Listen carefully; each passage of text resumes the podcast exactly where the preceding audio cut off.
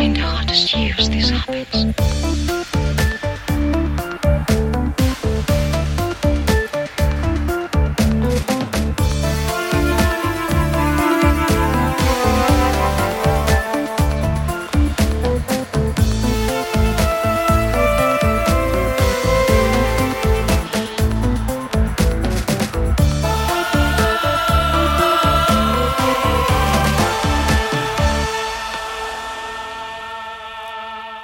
Här är det 178 avsnittet av skräckfilmspodcasten Vacancy. Jag heter Erik Nyström. Och jag heter Magnus Johansson. Och i det här avsnittet så ska vi fortsätta våran Predator eller rovdjuret special eh, genom att se Alien vs Predator-filmerna. AVP Alien vs Predator från 2004 och eh, AVPR Alien vs Predator Requiem från 2007. Jag gillar den där AVP-förkortningen. Mycket Mm. skönare att säga.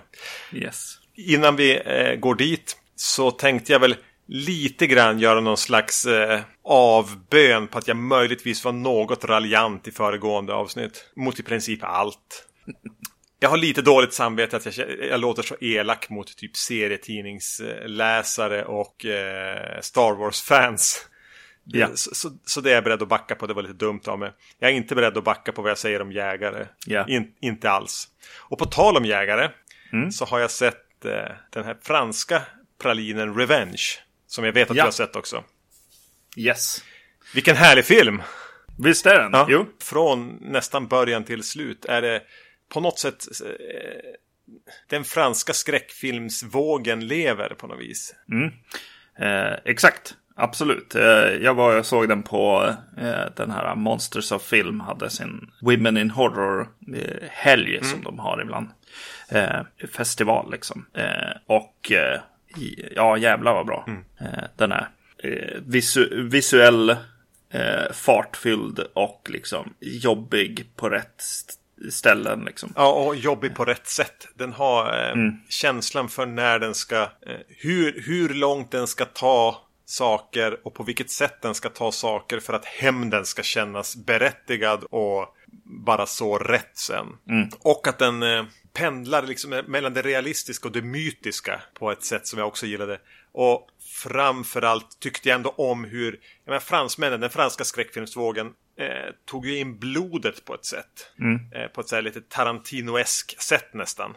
Ja. Och den här är, använder verkligen det här franska blodet i skräckfilmen på ett sätt eh, där man hela tiden är lite rädd eller lite vill att karaktärer ska förblöda. För de blöder så satans mycket och klampar, klafsar runt i det. Ja, eh, jättestark rekommendation. Yes.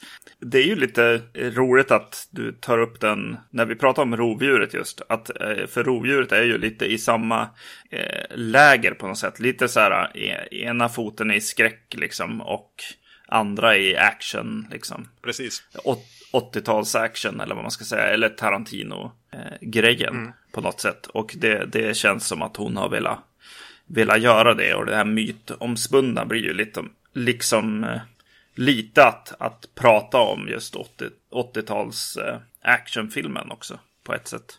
Eh, där, där saker liksom tar väldigt ont men hjälten klarar ändå liksom att, att bli kastad eller är påkörd av en bil eller vad det kan vara liksom. Superhjälte med konsekvenser på något vis. Ja, precis. Mm. Får jag rekommendera en till film? Ja, Jag såg den bara häromdagen. Eh, Du har säkert sett den också. Eh, För din favoritskådis är med. Mhm. Game Night med Rachel McAdams. just det. Jätterolig! Har du sett den? Ja, jo, vi, eh, precis. Jag såg den i Skellefteå när jag var där Ja. senast. Yes. Välskriven komedi. Den, den ska man också se. Ja, Men no, nog, nog nu. Mm. Alien vs Predator alltså.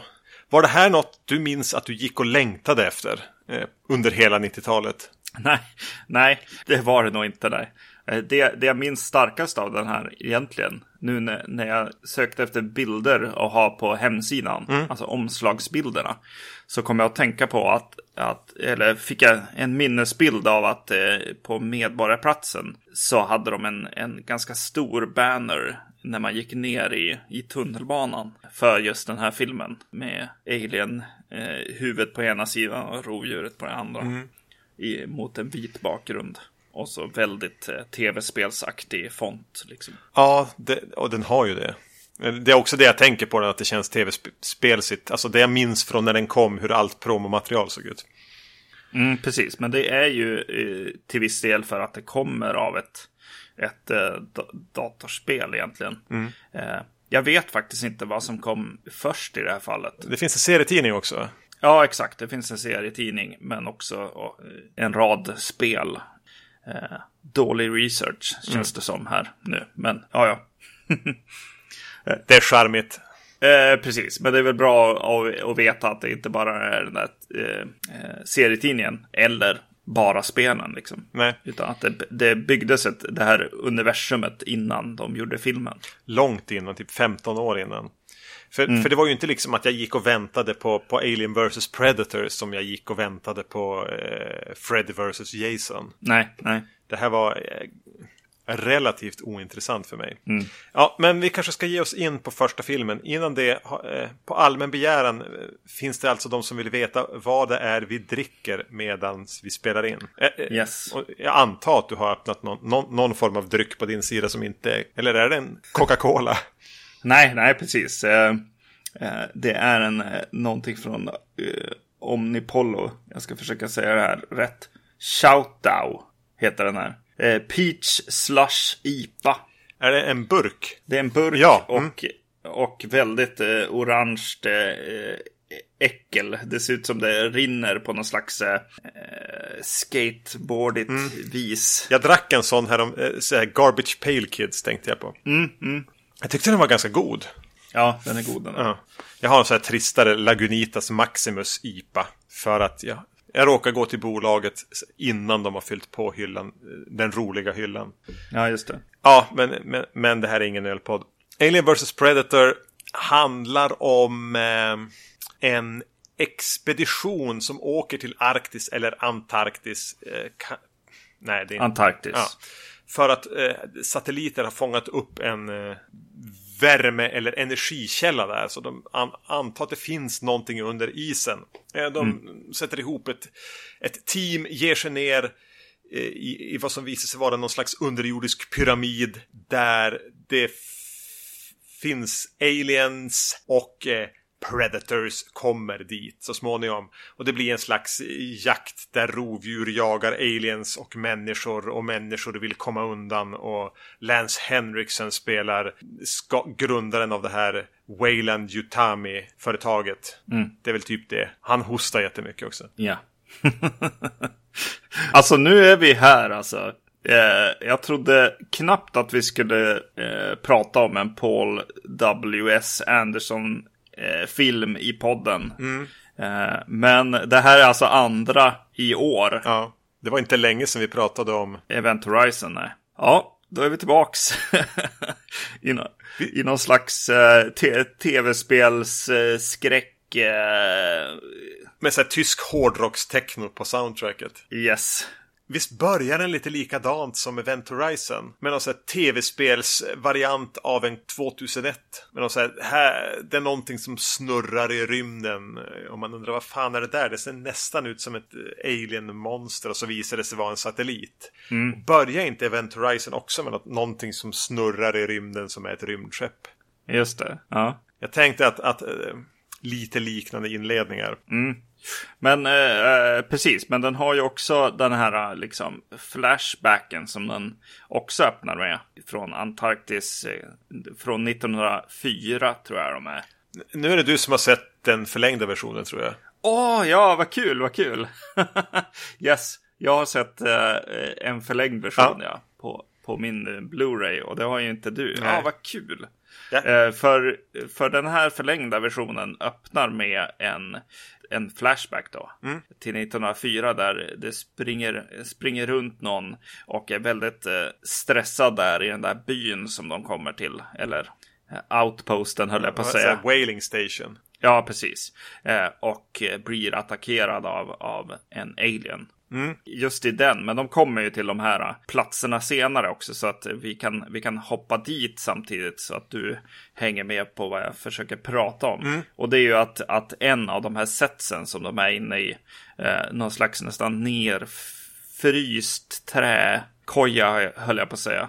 Ja, Eh, som är så här, är det en The Thing-referens eh, deluxe där? Det känns som att hela den, eh, hela den sättet är, eh, verkligen har trappor på samma sätt och, och sånt som i, i The Thing där. jag tänkte inte på, på kulisser och annat.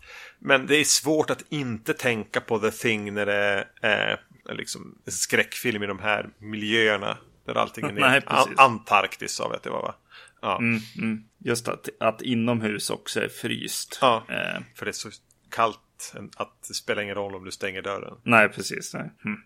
Ja, ja. Men det är en ganska kort sekvens vid den här eh, valjägarstationen om vi ska översätta den till någonting på Ja, svenska. precis. Eh, det känns ju spontant som din version börjar öppna lite roligare då. Mm, det här blir Skulle jag säga. callback till, till första rovdjuret då. Att eh, man ska helst se den utan den här sekvensen i rymden när rovdjuret kommer till jorden. yes.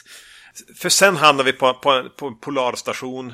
Eh, nej, inte en polarstation, men en, de som är i kontakt med satelliten. De som ser att satelliten ser någonting under jorden. Och, och, och, och eh, fort går det så, så måste de sätta ihop ett team. Och fort går det så är de och hittar någon som klättrar på ett fruset isberg. Och fort går det så är de i eh, någon utgrävning i öknen. Och fort går det så är de helt plötsligt ombord på ett fartyg på väg dit. Ja. Ehm, den har lite för bråttom här. För min smak. Ja, precis.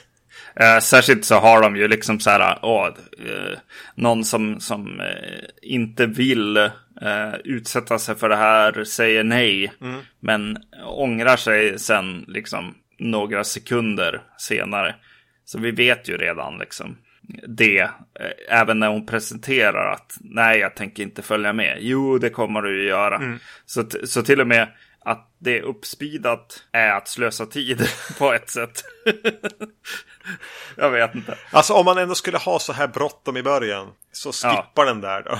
Att, att, att hon måste övertygas. Ja, Jag tror att filmen, för den är inte lång. Alltså jag tittade på den innan så speltiden är 100 minuter tror jag. Men då är det så här 14 minuter eftertexter. Ha- om, om den nu skulle vara, alltså den hade tjänat på att lägga några extra minuter i början. ja. Det, det jag tycker är lite skönt i början, det är att, att den här utspelar sig i en tid som är liksom just innan vår eh, nu, nutid på något sätt. Ja. Där vi har, alla har eh, mobiltelefoner med kameror och, och touchscreen, alltså smartphones och, och sånt. Eh, inkluderat i det är ju Wayland Industries eh, logga här som är lite skönt liksom off på Ja, något sätt. den känns väldigt off. Eller, och den är ju som en relik från eventuellt 90-talet. På något vis. För, Mm. för, Ja, precis. Det, det tyckte jag faktiskt var lite nice med den. Att så här, okej. ja, det, det är uppenbart att den här loggan kommer bli eh, utbytt ganska snart egentligen. Från när, när filmen utspelar sig. Vi, vi brukar prata om det med, med alla de här 80-tals eh, satta filmerna nu för tiden. Liksom. Att man, man tittar på exakt det datumet. Vad, vad gick på bio? Vad spelades i, i, på radio liksom? ja. Och, och här känns det ändå som att just den där loggan sätter den liksom. Ja, det var någon som gjorde den på 90-talet där någon gång. Den har fått hänga kvar lite för länge. Precis, precis. Ja, och, men, men jag gillar det med, med, med den här filmen är att den, trots att den ändå är från 2004, så här, några steg in på 2000-talet, så känns den oväntat mycket 90-tal. Ja, Den skulle kunna vara från samma år som Event Horizon i hur den ser ut och känns. Och för mig blev det ändå ett plus här. ja precis. Jo. Uh, gillar frillorna också som kommer in här liksom i den här tidsepoken. Ja. Han den här britten till exempel som hon träffar där. Han är väl från den här Trainspotting. Är han inte med i den? Ja du, jag ska villigt erkänna här att den enda eh, skådisen jag har namn på är Lance Henriksen. Ja, just det. Ja. För resten känns väldigt mycket som tv-skådisar. Mm. Jag vet inte om de är det eller om det bara är hur Paul W.S. Anderson använder dem som får det att kännas som. Men den känns lite tvig i det. Användandet av skådisar. Ja, det är, det är samma gäng som är med i Jason X till exempel. Ja, Eh, ja. det här Yes. lite Red Dwarf-känslan. Ja, just Som det. man just det. kanske inte eh, vill ha. Eh, men det blir liksom ett team med ett uppdrag och eh, som jag inte kunde låta bli att nämna redan när jag försökte svamla mig igenom vad den handlar om. Så eh, dyker ju Lance Henriksen upp också. Mm. Eh, och han eh, känns som en Bondskurk. Ja, Det, det, jag tycker det är lite roligt hela sekvensen där han dyker upp eh, inför teamet på någon så här, en balkong en bit upp. Och kommer in och eh, bara känns så ond. Och att nästan alla där i teamet känner av det här. Bara, Ja, okej, vi jobbar ju åt, åt eh, Dr. No här. Men okej, det är ett gig för, så att vi ska få pengar så vi kan göra det vi vill göra. Vad tycker du om Lance Henriksen i den här filmen? Ja, jag börjar bara tänka på, på timelines här. Eh, dyker ju upp liksom. Nu, nu är det väl egentligen ingen som håll, håller liksom eh, Alien vs Predator-filmerna liksom eh, som del i någon timeline Nej. överhuvudtaget egentligen. Men eh, just att, eh, att eh, Wayland dyker upp där och då tänker jag på Prometheus och, och de nya eh, Alien-filmerna. Ja. Eh, Men, men en film som känns av här, det är ju att Alien 3, den är verkligen kanon.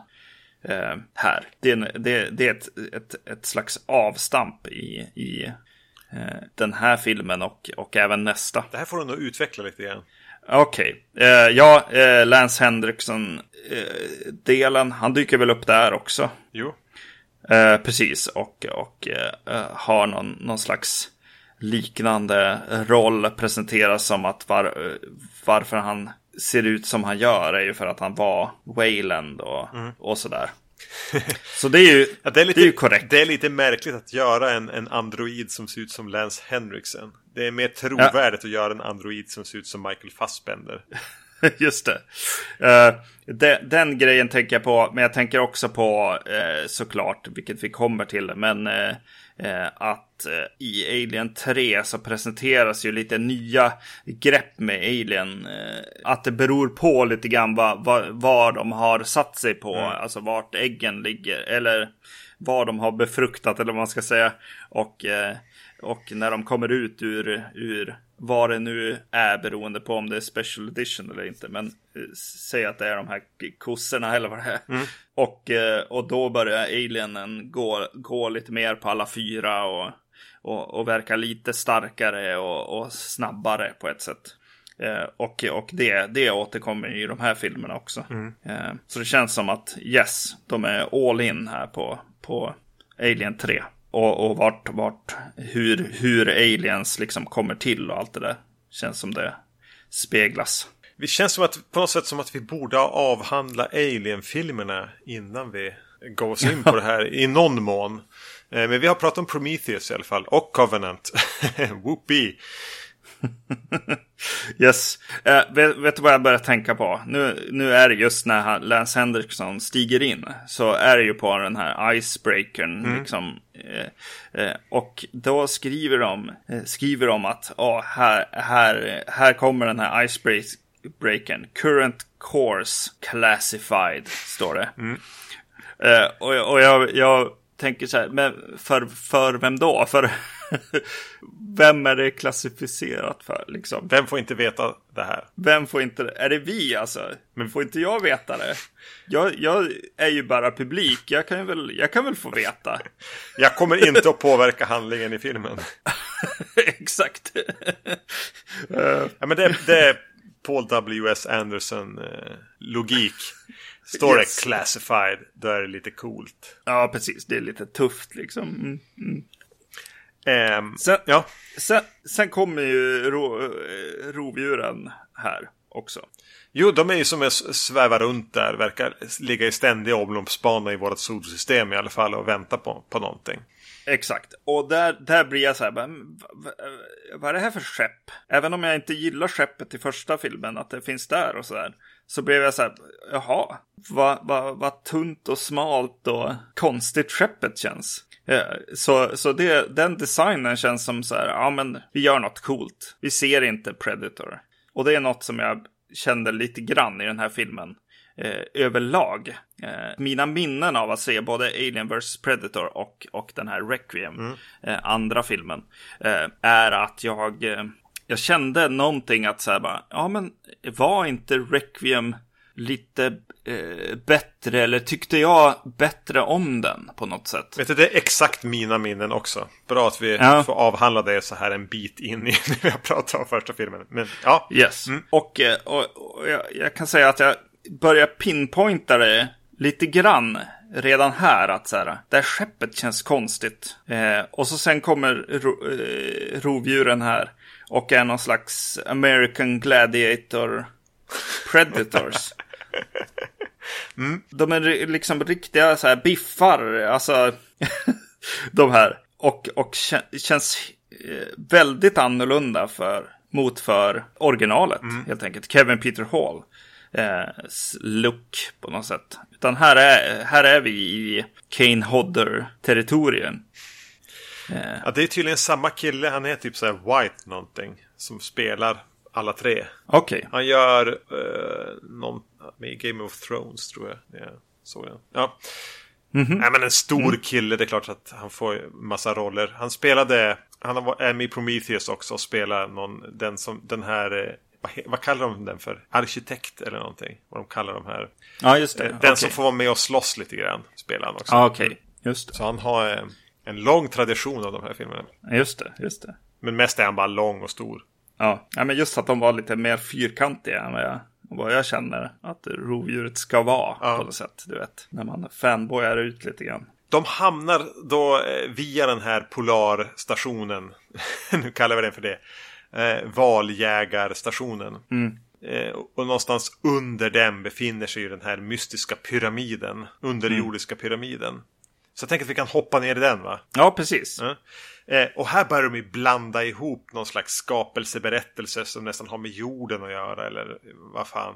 Men att den blandar liksom så här aztek och eh, arkitektur med egyptiskt och olika saker. Att, men det verkar vara byggt av människor men någonting annat. Och jag minns när jag såg den här förra gången så hatade jag konceptet att de skulle ner i den här dataspelsvärlden. Ja, Dock så här 15 år senare, 15 år äldre och gubbigare så var min känsla, ja men varför inte? Varför inte ge dem ett så här Alltså jag tänkte på Running Man-grejen. Ge dem den där apokalyptiska arenan att agera på. Och den här arenan visas ju sen så här kunna så, så här, tetrisa, eller vad man ska säga. Den bara flyttar runt sig själv och grejer. Eh, Men det här spelet, vad heter det? Labyrint. Som alla barn är bra på och jag är värdelös på. Brädspelet alltså. Där allting bara flyttas efter hela tiden. just Och det. jag bara, ja men, ja, men okej. Det är aztek-symboler, det är svart tegel, konstiga hieroglyfer. Eh, de går runt med så här grönt sökarljus. Jag kan, jag kan ändå köpa det här som en estetik och en skådeplats. Det är mycket mer än vad jag gjorde förra gången. Eh, Jag upplevde det precis likadant faktiskt. Det, det kändes lite roligare. Jag slappnade av lite grann av att det var Paul W.S. Anderson. Eh, tiden som har gått har gjort att det är lite roligare att titta tillbaks på den här filmen utifrån eh, just det där rörelsegrejerna. Det är lite Cube, en film som han lika gärna kunde ha gjort. Ja, verkligen. Eh, eller Resident Evil har ju en massa fällor och grejer eh, på samma sätt egentligen som Cube. Eh, den första filmen. Eh, Resident Evil-filmen alltså. Och eh, det, det, det, känns eh, helt rätt i tiden att saker börjar röra på sig och hålla på. Eh, och, och sen så här någon slags eh, dum serietidningstanke där med, med de här eh, att rovdjuren har faktiskt varit med och byggt våra, våra ja, aztektempel och sådana grejer liksom. Varit någon slags gudar för oss. Det, det kändes fine när jag slappnade av lite. På något sätt har jag lättare att köpa det än att det skulle vara de här eh, arkitekterna i Prometheus. Just det. Ja. Jag, jag är hellre i någon eh, Paul W.S. Anderson dataspel tysk technovärld än i så, Damon Lindelof, Ridley Scotts uppblåsta pretto-fantasier. Ja. Mång, mycket av det här blir ju den dumma behållningen liksom. Det som, som var jobbigt då är så här lite kul nu. Mm. Alltså det är så dumt att, att de har att rovdjuren har en liksom en nerfryst eh, alien queen. Ja. Eh, som är fastlåst i typ kedjor. Och det, när de väcker den till liv så, så, så här, slår det blixtar och skit. Vart hundrade år verkar de göra det där också för att skicka dit några rovdjur för att Ja. Jag vet inte vad, bli män eller Nej. bli kvinnor eller jag har ingen aning. Eh, nej men jag tror att den här tjänar på att vara i backspegeln som en bagatell. Ja, precis. Saker som att då facehuggersna börjar hoppa och det går över i slow motion så här.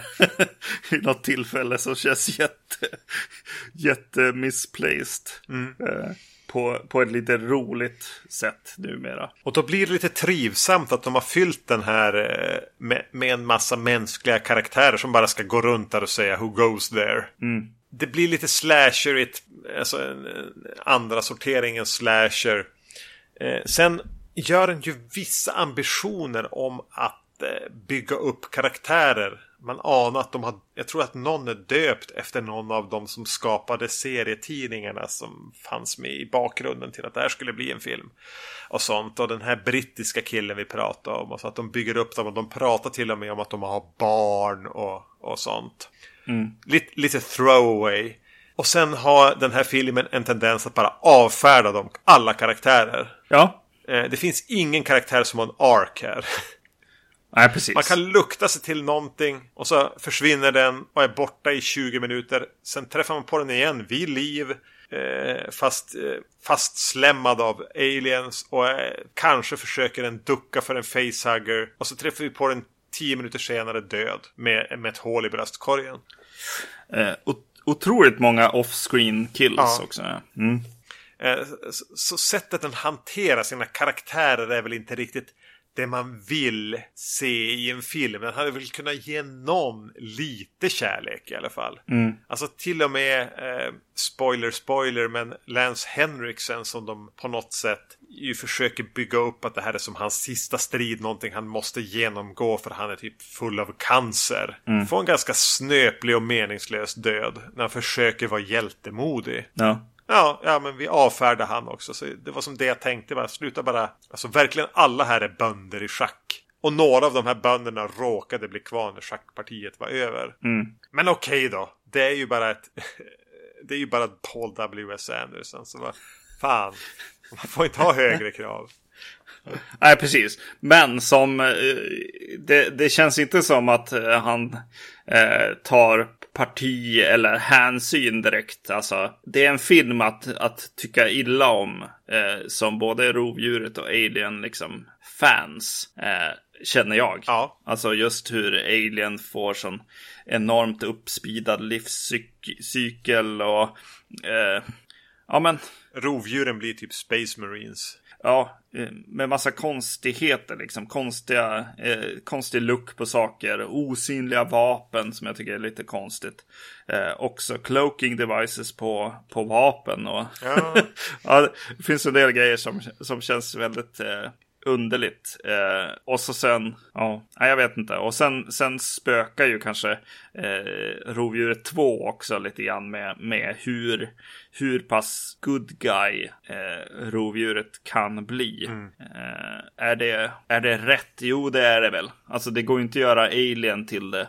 Eh, Men ska vi ens ha människor med? Jo, det måste vi också ha liksom. Nej, men det blir ju så här att det blir lite så här. v- En, den här respekten som, som föds i slutet av eh, Rovdjuret 2 kommer ju in här liksom. Och, och det, det blir nästan lite lö, lökigt som såklart höll jag på att säga. Men eh, rovdjuret gör i ordning någon alien eh, liksom eh, eh, skär, skär i tur och rensar ur så att, så att det kan bli, bli en sköld och liksom ett spjut av det där liksom. Ja, jag har alltid mest respekt för aliens i de här filmerna. De tramsar inte, de jagar inte för troféer. De, de, de vill bara överleva. Men eh, en kompis till mig pratade om när den här skulle komma om att ja, men enda sättet att göra den här på ett bra sätt är ju att exkludera människor. Ja. Låt oss då följa rovdjur Och låt dem bara ha gutturala ljud som inte ens ska textas. Men det ska bara vara en så pulserande feber-action. Med dialog som vi inte förstår. Nej, precis. Och... Nej, det hade varit nice. Ja. Ska det finnas människor ens ja. Shit alltså. Den filmen hade väl varit lite mer spännande i ja. alla fall. Ja, absolut. Vet du vad jag gillar med den här? Kanske mest, förutom att jag köpte den här Aztek eh, grönt ljus eh, i mörker-looken. Ja, nej. Det är att den ändå använder sig så pass mycket av eh, fysiska effekter. Kanske framförallt drottningen här. Mm. Som ju känns som ett eh, jävla bygge alltså. Ja, jo. Och ganska snyggt använt. Och även eh, aliensarna när de slåss mot, mot rovdjur. Så ja, men ibland lyser det igenom att, att det är 2004 års CGI. Men ja, och, och jag säger inte att actionsekvenserna är bra. Men de har lutat sig mot fysiska effekter på ett sätt jag inte riktigt mindes eller trodde. Mm. Och framförallt gillar jag drottningen. Som är uppe och röjer mot slutet av filmen. Och bara, ja men det där är ju schysst. Ja, det är sant. Det är Jo, nej men absolut. Det, det är nog eh, en av höjdpunkterna absolut. Ett av rovdjuren har också cape, vilket är, är lite spännande. Vad häftigt. Dumt. På ett roligt sätt tyckte jag.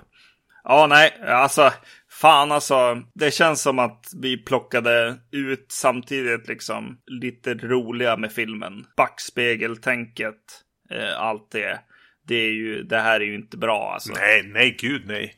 Jag, nu när jag hör liksom dig börja formulera den här meningen tänkte jag lite grann på hur vi resonerade kring eh, Predator 2.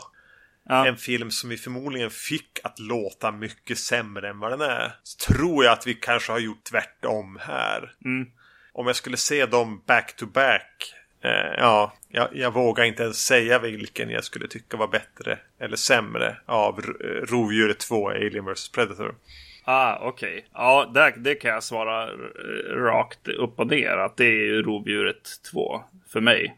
Betydligt bättre än den här filmen. Men jag, samtidigt så kan vi ta det nu då. Jag, för mig så tänker jag att det här är en bubbla de här två filmerna finns i.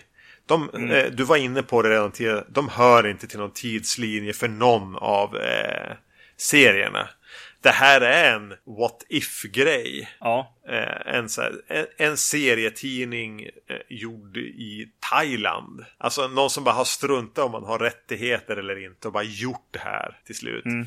Man måste köpa det konceptet lite grann. Ja, eh, no någonting de som gjorde uppföljaren här borde faktiskt ha anammat det du säger nu.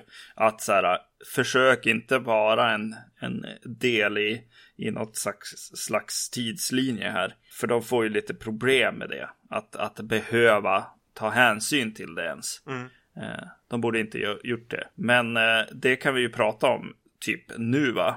Ja, jag känner mig rätt färdig med första filmen. AVP2 Requiem med en så här extremt onödigt påhängd ord i titeln.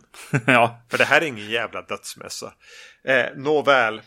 Jag menar, eh, tar ju vid egentligen det som händer i slutet. Så ett, ett, en, en alien hamnar ånyo på jorden. Jag tänker att vi kan komma in eh, närmare på eh, exakt vad som är speciellt med den här alien. I någon småstad i USA. Lägger en, det dräller ut en massa ägg.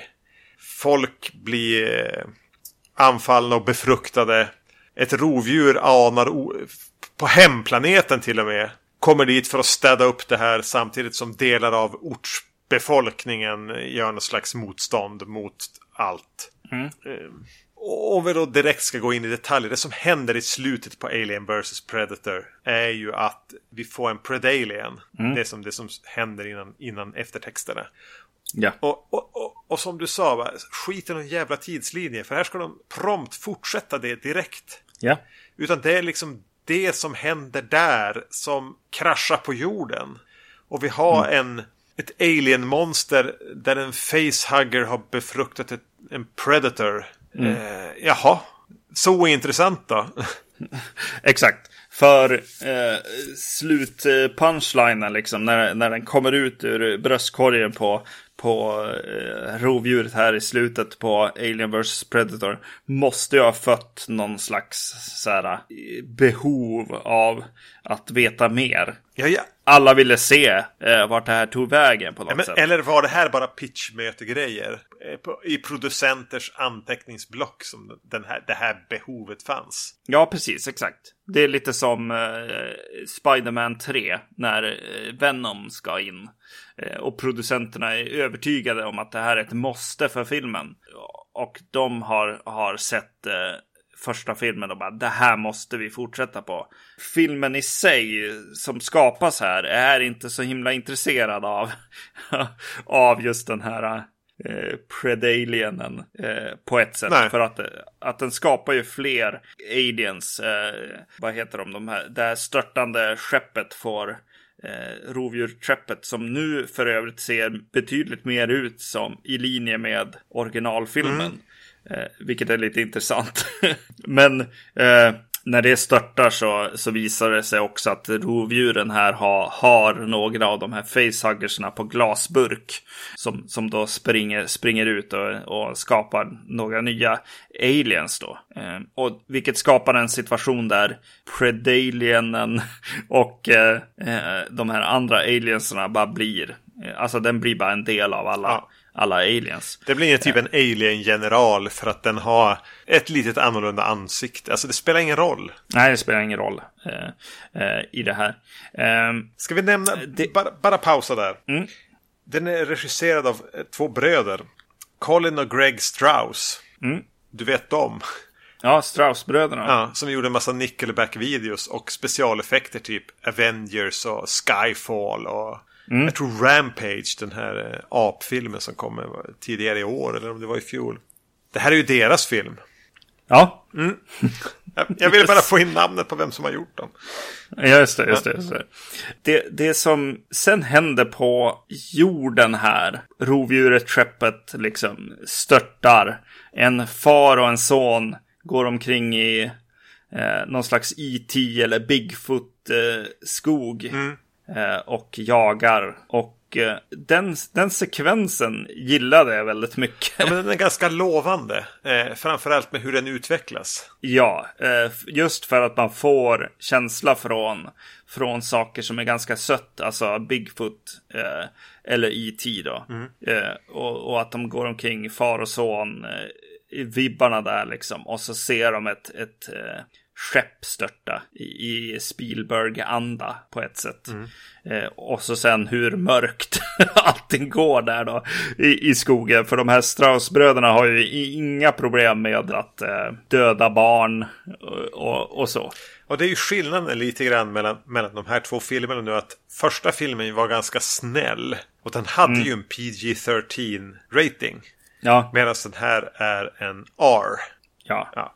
Eh, men, men den här är väl även mer direkt till video på ett sätt. just det. Min feeling i alla fall. Ja, nej men det, det är något, något lite balt Ja. med, med facehuggers i Big, Bigfoot-skogen och hur då, eh, hur då de sätter en ton i att så här, ja, fuck, det är inget, inget är heligt på något Nej. sätt här. Och sen börjar och ska presentera eh, det nya schackbrädet här. De nya karaktärerna. Vilket görs med ett visst eh, större mått av ambition än i föregångaren. Med någon som får skjuts med någon som är polis och han eh, den som får skjuts pratar om sin bror. Och man anar att det är två bröder. Lite strulpellar där den ena är än struligare. Och vi får träffa den brorsan som är kär i fel tjej. Och det här elaka gänget som ska spöa han för att han är kär i en tjej och hon är kär i bla bla bla. De börjar presentera ett, eh, men en ganska typisk amerikansk film. Eh, ett ganska, det skulle kunna vara Children of the Corn eller en Elm Street-film eller vad som helst här. Som, som de börjar måla upp för, som känns ganska tilltalande. Och det är någonstans här mina minnen av den var. Att Ja. med lite småstads-USA, vi får Alien vs Predator där istället för i en underjordisk pyramid. Att ja, men det känns kanske lite mer relaterbart. Eh, även om jag ska säga att mi, mina största minnen av att ha sett den här för vilket då måste ha varit när den kom, var hon eh, Reiko Aylesworth, hon från 24. Ja. Eh, att hon körde runt på en eh, jeep med ett så automatvapen fastsatt på den. Det var mina minnen från den här. Det händer aldrig. okay. Någon körde jeepen, hon stod höll i så här en automatkarbin fastmonterad på liksom startbågen på jeepen och hon var sköt aliens. Det, det var mitt minne från den. Ja. ja. Jag väntade länge på den scenen som aldrig kom. Men hon är med i alla fall. Yes. Ja, men hon är ytterligare en karaktär som presenteras som en så här hemvändande typ Afghanistan-soldat eller någonting. Och med, med, mm. med, med, dotter och man och sånt. Så vi, vi har en liten, precis på något sätt rätt setting. För något som skulle kunna bli precis vad som helst. Eh, precis, hela den där eh, hemvändande liksom soldaten eh, som, som do dottern eh, inte riktigt så här, känner känns det som mm. nästan. Eh, och eh, som håller sig då till farsan. Det, det, det, det, finns ett litet mini, mini liksom story där eh, bland dem som är så här. Som igen blir så här, ja de mördar den här pojken i början. Eh, det är något, något lite mm, mörkt eh, och lite så här, ja men det här skulle kunna bli en film, en ganska generisk film i och för sig, men med just att så här, dotterns lite så här, ja, jag, kanske, jag kan ta tag i det här med mamma liksom nästa vecka eller så, men just nu så, så är jag lite trevande liksom. Mm, Vi får mm. se hur det kommer funka med mamma. Och då dödar de ju liksom farsan mitt, mitt framför ögonen på, på dottern liksom. Och den här äh, militären som inte riktigt vet hur man är förälder måste ta hand om dottern. Det, det är något lite så här klassiskt mm. där. Men också lite sadistiskt på något sätt. Mm. Att döda pappan där. Och det är väl lite det som kan bli ett problem här med att hålla ton och hålla reda på allt det här. Ja, ja, ja eller hur. Mm. För det som händer är ju att det börjar springa runt en massa aliens och döda av egentligen ortsbefolkningen. Samtidigt som det har dykt upp ett... Eh, och nu öppnade du någonting nytt där. Är det en till av samma eller är det något annat du, du har tänkt Rickard? Ja just det, vi måste redovisa ja. här. Den här vet jag knappt vad den heter. Det står så här, Tropical Rumble. Får... Det är också en till, till sån här fruktig grej. Mango, peach och passion mm. Fruit här. Mm. Ja, eh, ja, ja, men det som händer är att det börjar springa runt en massa aliens och döda av ortsbefolkning och det kommer ett eh, rovdjur från hemplaneten för att reda upp det här. Mm. Eh, och när som det här sen i någon slags andra akt ska börja ta ihop sig. Ja. det är då det börjar falla sönder. För jag tycker egentligen om delar i alla fall av det vi presenteras för. Att det är en betydligt mer tilltalande macka än, än eh, vad, vad, vad föregångaren är. Mm. Men sen, mm, sen får vi ett, ett, ett eh, rovdjur som springer runt och häller typ blå syra på allt som har med aliens att göra. Å ena sidan samtidigt som den hänger upp skinnflodda människor i träden. Ja. Det som händer med den här blåsyran skulle jag säga att det är att det löser upp allt. Det är som att den försöker sopa undan spår av att det här någonsin har hänt.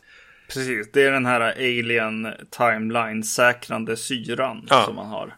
Men, men samtidigt så om den träffar på en människa så skjuter den den, flår den och hänger upp den i ett träd. För att rovdjurets timeline spelar inte roll här. Precis. Right? Eh, mm. Något sånt. Mm. Mm. Sen när filmen ska försöka ta ihop de här olika händelseförloppen med Predalien, med en massa aliens, med det här rovdjuret på sitt hygienteknikeruppdrag. Ja. Och a, a, a, de karaktärer och allting så, så nej.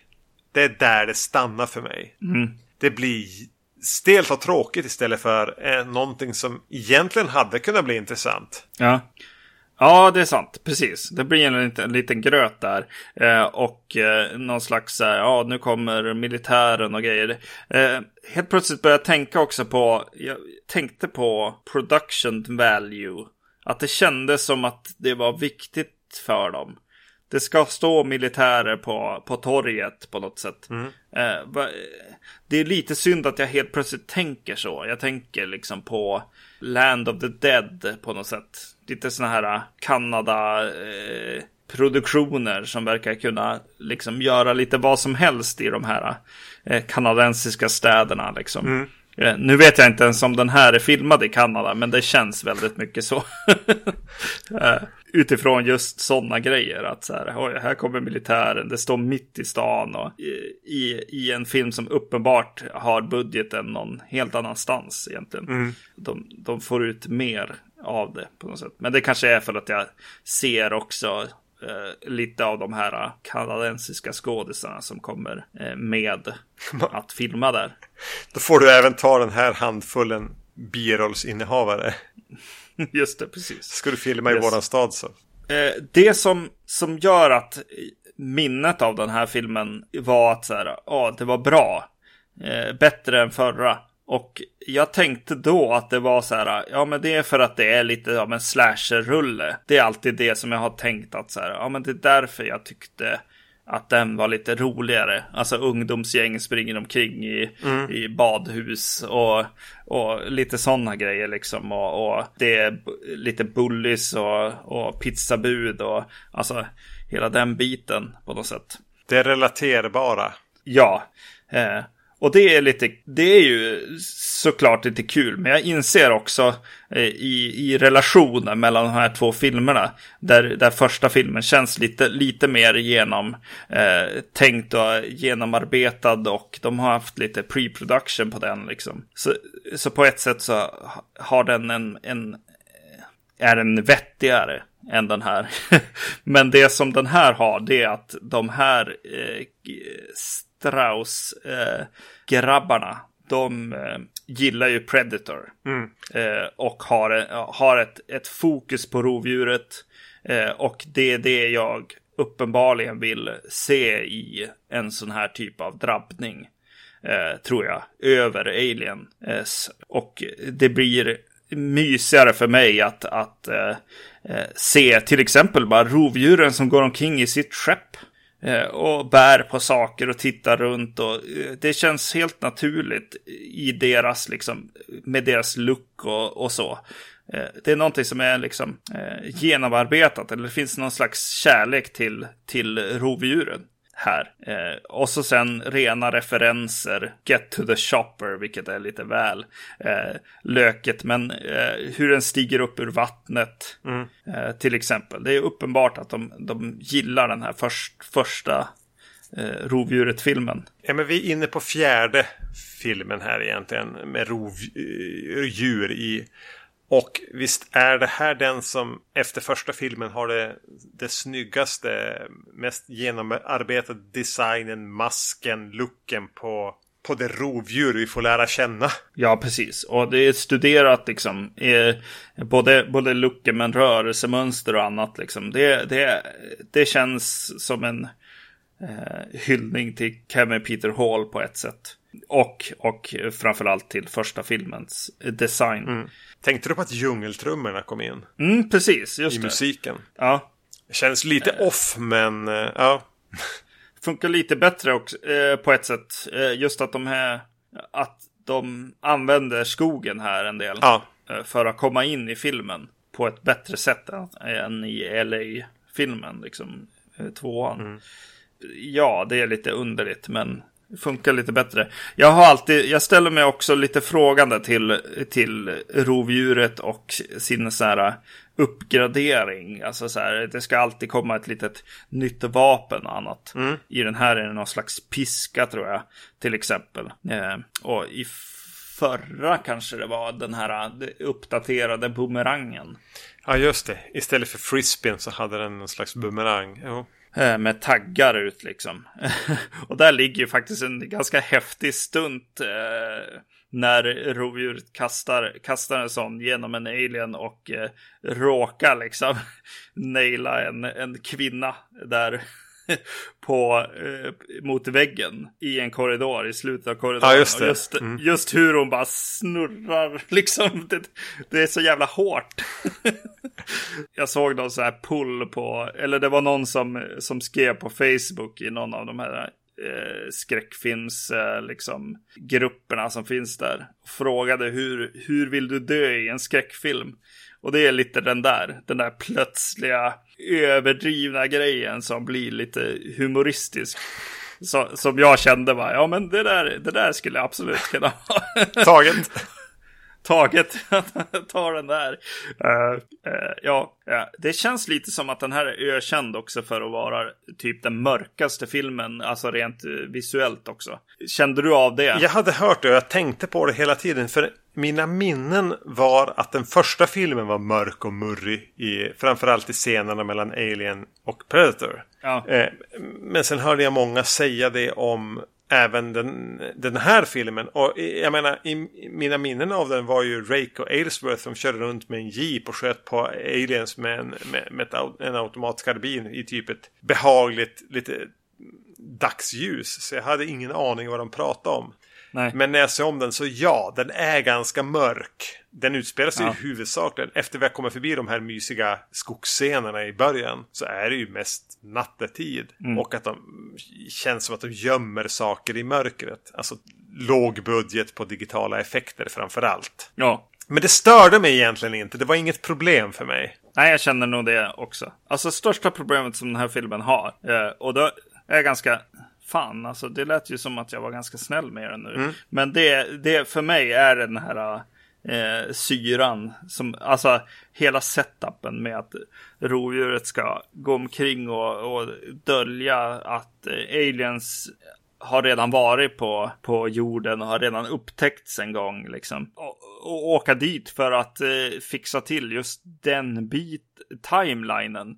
Han, han åker dit på uppdrag av Ridley Scott. Ja, exakt. Ja, det, det, det, det håller ju inte riktigt. Alltså, samtidigt så här när, när han sitter där och tittar på någon monitor och bara shit, det här har gått åt helvete, jag måste dit. Den biten så bara, ja, oh, sure. De här, de här tidigare kollegorna till mig var ju jävla fuck-ups. Ja, ja, jag får väl städa upp då. Men inte att han ska dölja allting. Nej, precis. Att, att eh, motivationen är i princip att, att eh, hålla liksom alien timelinen in, check. Eh, det, det är li, rent lite pinsamt. Eh, det skulle vara lite skönare om det bara var jag måste röja upp efter de här. Och här får vi någon slags rovdjur som har varit med. Eh, som har dödat sina aliens och eh, gjort sig värd, värdig på något sätt. I'm too old for this shit. Eh, rovdjuret. Men eh, det som var problemet för mig var att de i, det, ta, det går inte att få ihop. De gör en lovande premiss men det här är för oerfarna regissörer för att hålla en ton. För att väva samman karaktärsutveckling och karaktärsöden med, en, med action och med spänning och skräckelement. Det, det blir platt. Ja, precis. Alla de här eh, ögonblicken som jag, som jag pratar om också när, han, när de faktiskt dödar barn. Eh, dödar farsan mitt framför ögonen på dottern. Eh, har en alien som går och slickar sig om, om munnen bredvid på en så här, vad heter det, bebisavdelning. Eh, på sjukhuset liksom. Och uppenbart förmodligen eh, käkar upp alla de där ungarna. Eh, det är ju, alltså det är ju inte, det är inte helt, helt eh, okej. Det är ju någonting som någon kommer, kommer att eh, ångra någon gång i sitt liv. Mm. Förmodligen. Särskilt eftersom det inte går... eh, Nej, tonläget ja, precis. Absolut att man gör sånt i film när det, när det är tonen. Det, ja, i och för sig, den där första med sonen, jägarsonen där. Alltså det är någonting med hur den sekvensen är gjord. Att den är gjord med det jag börjar tänka på, Bigfoot eller E.T. Jo, men den fungerar på något vis.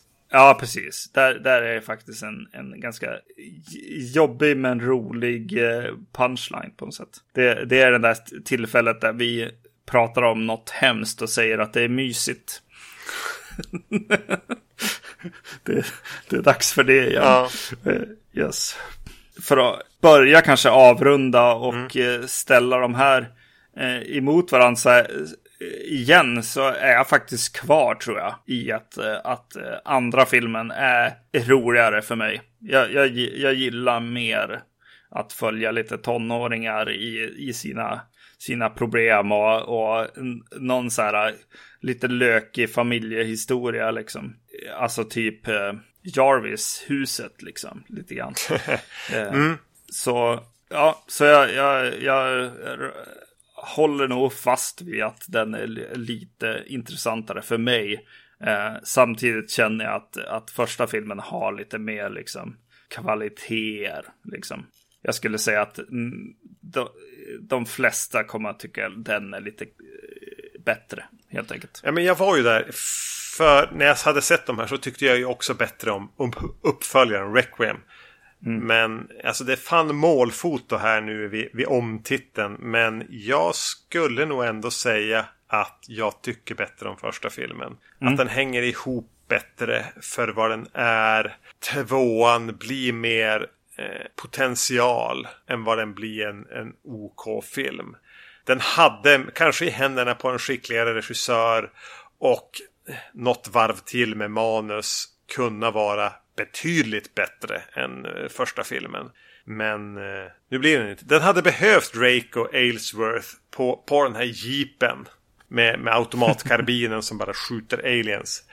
Eh, eller någonting. Alltså den, den, den, får inte ihop hur den ska balansen. Och då blir den tråkig och platt.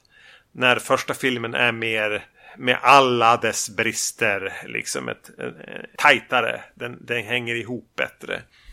Men in, det, ingen av de här är ju bra. Ganska långt från bra. Men ha. de var närmare OK nu än vad de var när de kom. Eller, och framförallt första filmen. Ja, de tjänar, eh, framförallt kanske den tjänar ju på sitt tids, eh, liksom att det har gått en stund nu. Ja. Eh, absolut. Och att, att man får, får titta tillbaka och bli lite nostalgisk över tidsepoken. Ja. Mm. Yes. Men jag hade oväntat kul att se om båda de här. Det är en ganska schysst slaskig B-films filmkväll tillsammans tror jag. Ah. Jag såg dem inte samtidigt men jag hade önskat att jag gjort det. Så jag, jag, ja, precis. jag hatar inte de här filmerna. Som ett what if-universum som bara... Eh, något man hyrde 93. Ja. Så, nej, det här är okej. Det är okej. Okay.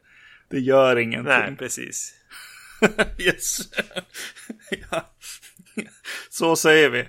I nästa avsnitt har vi ju tänkt att se eh, Predators och The Predator tills dess så finns ju vi på vacancy.se, på iTunes och andra eh, podcast eh, providers egentligen. Vi finns på Facebook. Eh, där gillar vi att ni gillar våra avsnitt och eh, även kommenterar eh, på vad ni tyck tycker och tänker. Det är jätteroligt när vi får lite kommentarer. Ja, nej men ha det bra till nästa gång då. Precis. Hej! Hej!